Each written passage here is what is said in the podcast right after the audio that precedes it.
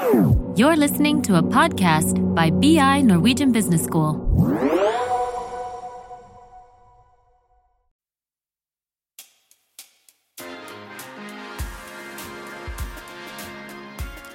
Velkommen til podkasten Oppgradert med Gloria og Marte. Er dagens ledere klare for å lede de unge? Marte, hva tenker du om det? Nei, jeg tror faktisk ikke det. Grunn, grunnen til det er jo at vi ser at teknologien spiller så mye inn i uh, hverdagen nå i arbeidslivet. Og jeg ser i hvert fall personlig, da, så bruker jeg veldig mange apper for å gjøre oppgaver, arbeidsoppgaver litt uh, enklere og raskere. og jeg erfarer det da at kanskje ledere ikke helt henger med på de appene. De vet ikke at vi har brukt de. Eksempel her en gang så hadde jeg sendt ut en invitasjon, en eventinvitasjon. Og da brukte jeg en applikasjon for det. Eh, og, så, og, den sendte jeg automatisk dette til de som skulle delta på eventet. Og så mottok jeg da fra lederen eh, med at dette var jo kjempeproft. Men jeg hadde liksom ikke gjort så mye, for det var en ferdig mal. Og, og der tror jeg også det er sånn Ledere har ufattelig mye ting de skal ha styr på og holde tak i. Så eh, de har kanskje ikke så mye tid til å holde seg oppdatert på all den teknologien som, som kommer. Det er i hvert fall det jeg tenker, da. Og i dag så skal vi faktisk se på unges forventninger til ledere.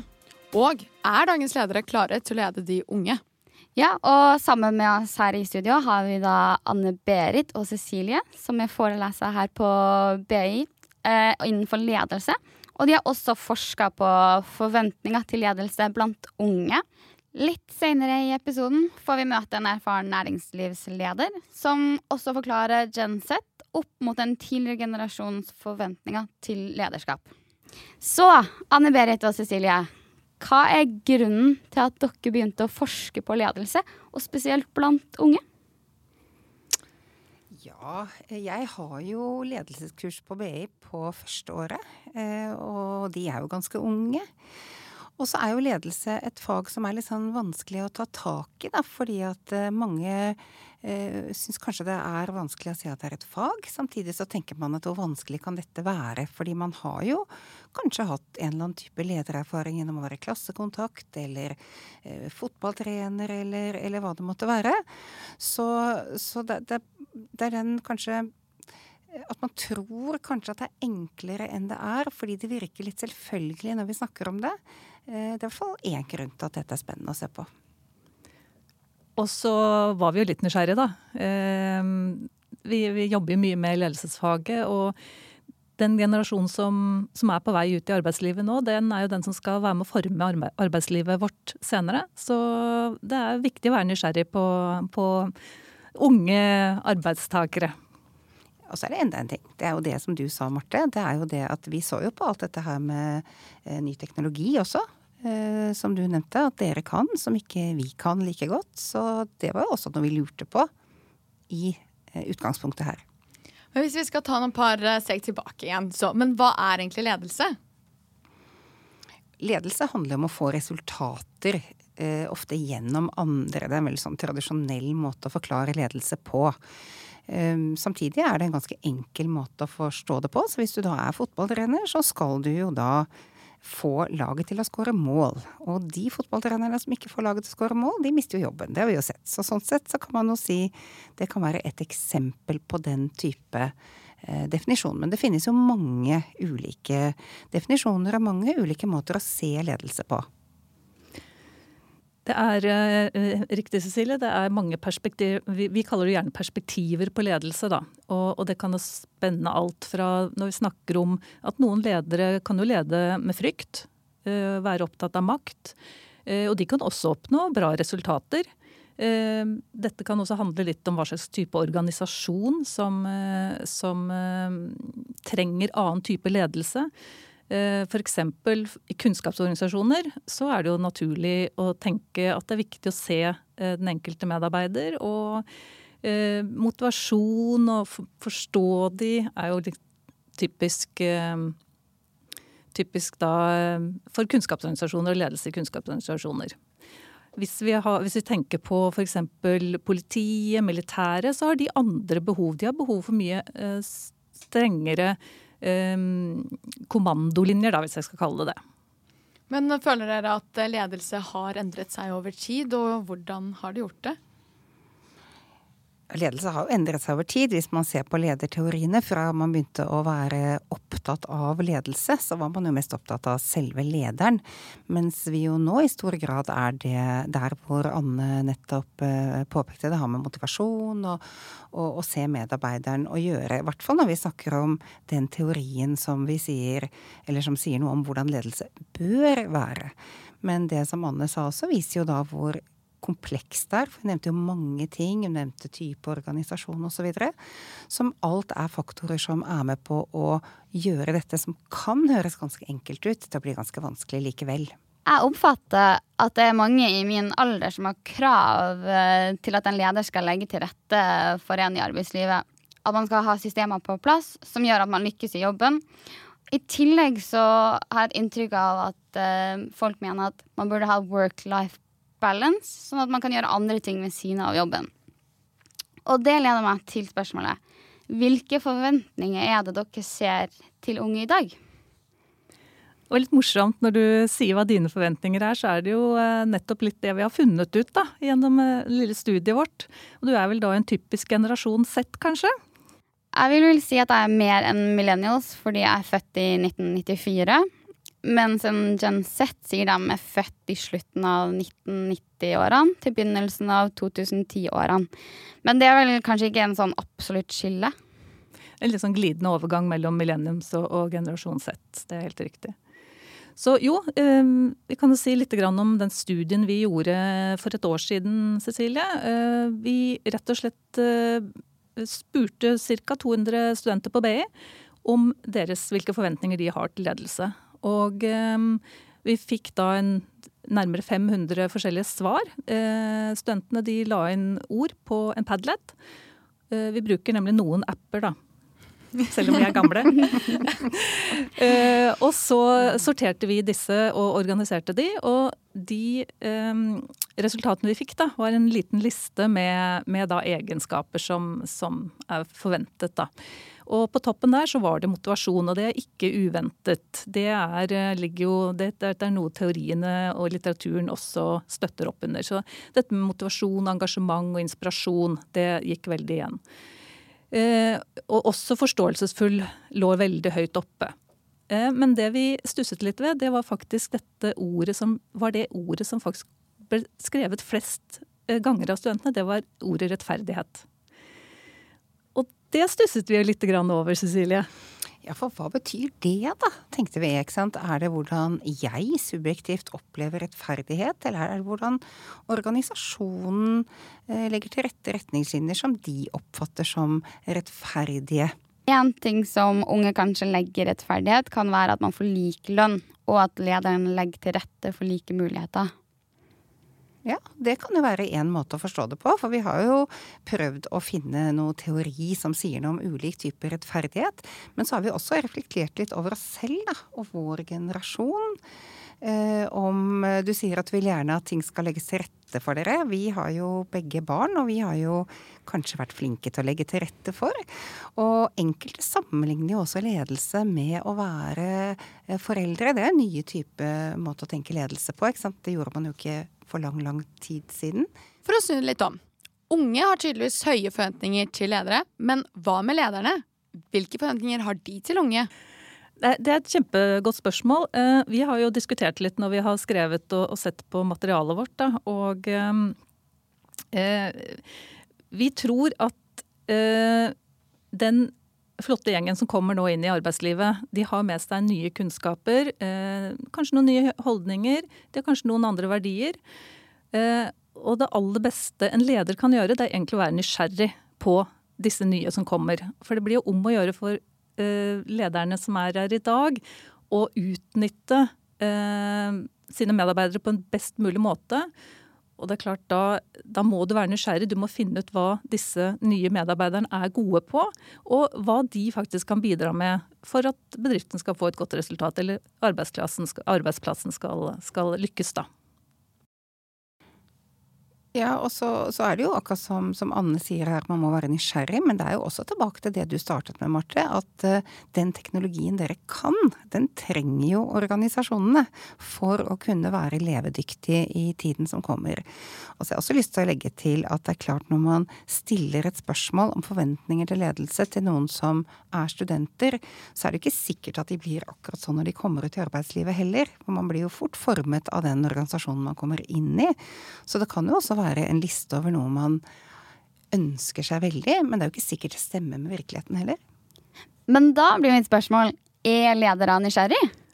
Jeg tror mange ledere er ganske nysgjerrige og ganske flinke til å, å, å utnytte den kompetansen. Eh, men så kan du ha organisasjonsstrukturer som gjør at man kanskje kommer At man har eh, Kulturen på arbeidsplassen da kan jo spille mye inn her. Og det å endre kulturer, det kan være ganske, ganske vanskelig.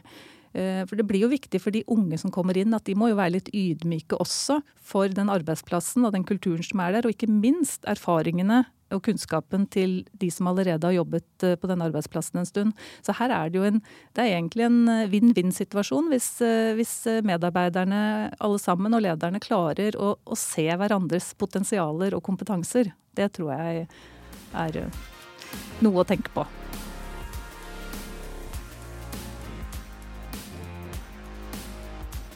Nå skal vi høre fra en erfaren næringslivsleder. Vi er så heldige at vi har fått Anita Krohn Traaseth som gjest i studio. Anita er leder i næringslivet og var tidligere direktør i Innovasjon Norge. Hun har mange års erfaring innenfor ledelse og har vært med å løfte Innovasjon Norge til et nytt nivå. For meg som millennial så oppfatter jeg henne som nysgjerrig leder som er flink til å se de unge og er åpen for ny teknologi. Du har jo mange års erfaring innenfor ledelse. Har du opplevd eh, noe endring som eh, Anne Berit og Cecilia snakker om? Ja, nå har jeg vært i arbeidslivet i 25 år. Og det som kanskje særmerker de 25 årene, er jo rett og slett eh, mer endring og mindre stabile forhold. Og, for, og, som ledere er nødt til å lede under. Da. Sånn at det er, Da jeg begynte med ledelse for mange år siden så snakket vi om endringsledere. Det gjør vi ikke så ofte i dag, fordi eh, stort sett så er det meste i endring. Så det å sitte i en lederjobb nå og ikke gjøre noe, ikke sørge for å, ja, for å være relevant, ikke være oppdatert, ikke være nysgjerrig, det er ganske krise. Fordi det er jo også blitt gjort en undersøkelse i USA da, hvor de har sett på gjennomsnittlig levetid for 500 eh, av de største amerikanske bedriftene. Og levetiden er halvert. Og drivkraften på de bedriftene som nå driver innovasjon, teknologi og utvikling, er de små selskapene. Så det er et maktskifte, har jeg sett, eh, mellom de store, etablerte bedriftene og institusjonene som på en måte har satt premisset for hvordan verden skal se ut. Jeg husker jo da jeg gikk ut fra studiene at det som det som var veldig inn da, det var jo å søke en fast jobb i et eller annet svært selskap. Eh, mens det er nok ikke helt opplagt nå. At eh, det kan være andre muligheter. Det er mange som starter for seg selv. De starter i mindre selskap, de tar mer utdannelse. Altså det er flere veier nå eh, i forhold til det å forsyne seg karriere og arbeidsliv. Og det, det er en stor endring. Men et konkret eksempel, da. fordi da jeg startet i arbeidslivet i 1996, så rapporterte jo jeg til babyboomere. og det er jo den generasjonen som er født mellom 1946 og 1964. Og da var dette her starten på e-business. Eh, og det de sjefene da var sånn Ja, dette greiene her, det for de nyansatte holder på med. Det er noe sånn teknologigreier. Og dette var jo også på samme tidspunkt hvor noen Eh, proklamerte høyt i Dagens Næringsliv at internett er en flopp. Så det var jo på en måte den generasjonen. Og jeg syns én ting er endring, altså skal vi forstå generasjoners eh, eh, forhold til og forventninger til ledelse, så kan man jo også gå inn og se på forventninger og hva som særmerker generasjoner generelt. Og da fant jeg en dette er fra 2010, men det er en, en, undersøkelse som ser på de ulike generasjonene og har spurt disse generasjonene hva mener dere utmerker deres generasjon? Hva er det som gjør at deres generasjon er unik? Og de babyboomerne da, som jeg rapporterte til, Det som var nummer én på lista deres, det var arbeidsmoral. Og nummer to respektfull. Så der kjenner vi jo litt den der du skal være på jobb før sjefen kommer, du skal logge deg ut etter sjefen har vært der. Du skal ikke si mot i møter, det skal være respekt, du skal ha forståelse for linja. Altså er, de har en del eh, altså Det er lett å oversette det inn i ledelse, da. Og så er det min generasjon, da, som er generasjon X. Det er eh, oss som er født mellom 1965 og 1979. Det som er nummer én på lista vår, det er eh, det som gjør vår generasjon unik. Det er bruk av teknologi. Og også arbeidsmoral. Men så går du og ser på f.eks. min eldste datter, som er generasjon Y. Det hennes generasjon deler med min generasjon, er bruk av teknologi. Men så kommer nummer to, musikk og popkultur. Og her tror jeg veldig mange i min generasjon og generasjoner over, og som jeg også har sett i undersøkelsen her, er at man tror at sosiale medier handler om å pro promotere seg selv. Eh, det er jeg litt usikker på. Jeg tror det er et større fenomen hvor det handler om eh, eh konsekvenser av, av popkulturen og åpenhet. For nummer tre for generasjon Y er det å være liberal og tolerant. Og det kommer ikke opp på lista til de andre. Så både, man kan si at det har både vært samfunnsmessige endringer eh, og generasjonsendringer for hvordan ledelse har forandret seg gjennom tid, med andre ord. Ja, ja og jeg kjenner meg jo veldig igjen i, i de stikkordene som dere nevner nå.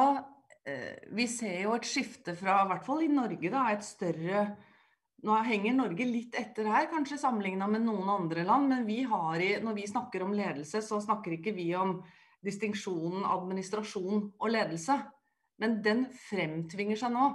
Det ene er ikke bedre enn det andre. Men det som på en måte har vært lederhelten i Norge, det er jo altså de gode administratorene. De produserer eh, orden, de produserer konsistens, de etablerer agenda, de setter timetable, de driver med KPI-er, de jobber med strukturer. Det har vært litt sånn ja, mange ledere, norske ledere har en veldig tydelig administrasjonsprofil. Mens den andre lederegenskapen er jo rett og slett det man kaller leadership. da. Og det lederskap produserer, det er endring og bevegelse. Og i et samfunn som endrer og beveger seg oftere, så er det også påkrevd at man Altså, du kan ikke administrere altså, John P. Cotter sa det så godt, han er professor på Harvard. Og han brukte krig som et eksempel. Du kan ikke administrere deg til å vinne en krig, du må lede en krig. Og det han mener da, som jeg kjenner meg igjen i undersøkelsen som er gjort nå, det er eh, dette her med å være tydelig, evnen til å sette retning, skape en slags visjon, prøve å forklare det store bildet, sette strategier, kommunisere tydelige mål, eh, søke commitment blant de som jobber for en, bygge team, helt nye typer koalisjoner. Det å inspirere og gi energi har jo vært litt sånn ja, Det er noen sånn myke greier som ekte ledere ikke driver med. Det er jo fullstendig misforstått. Eh, jeg tror det at eh, deres generasjon, da, hvis ikke dere er motiverte og inspirerte og finner mening i det dere holder på med, så kommer ikke dere til å holde ut som generasjoner kanskje før dere har gjort, da. Cecilie og Anne Berit snakker jo om dette med at unger har høye krav. Hva tenker du til det? Det som kanskje særmerker de yngre, og jeg jeg syns ikke de er så veldig kravstillende på en urimelig måte, ja da. Altså øh, Så jeg opplever ikke at det er noen utfordringer med det, men det er vel kanskje å Altså den lysten og den iveren du har når du kommer rett fra skolen inn i arbeidslivet til å påvirke, og du tror kanskje at ja, men her er det mange måter å løse det på. Det handler jo også om å ikke ta vekk den given, da, for den energien og de nye blikkene trenger en eksisterende bedrift. Så kanskje det som er viktig for ledere, er jo å være litt sånn klar over at det er ulike generasjoner som jobber i selskapet ditt, og det å bygge litt broer over det. da. At de som er nye, ofte, ofte når vi er unge, så er vi litt historieløse. Og da er det kanskje bra å minne på at ja, men sette av tid da, og forklare hvorfor det ser ut sånn som det er nå. Og så gi de en litt bedre kontekst og komme med nye forslag. Og det å også sette yngre og seniorer i mye større grad sammen enn det vi kanskje gjør i dag. Da. At man ikke liksom overlater visse oppgaver til de yngre og noen andre til de eldre. At vi, vi blir mer aldersløse i hvordan vi, hvordan vi organiserer ressurser og arbeid.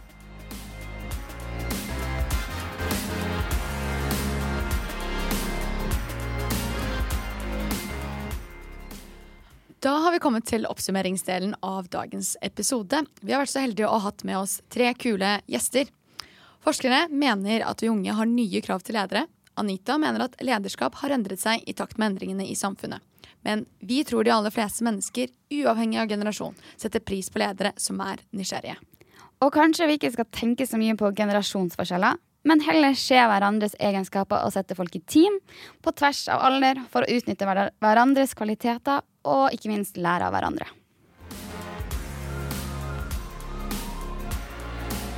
Hvis du vil ha mer informasjon om vår episode, så gå inn på vår landingsside bi.no slash oppgradert. Husk å like oss og gi oss en kommentar.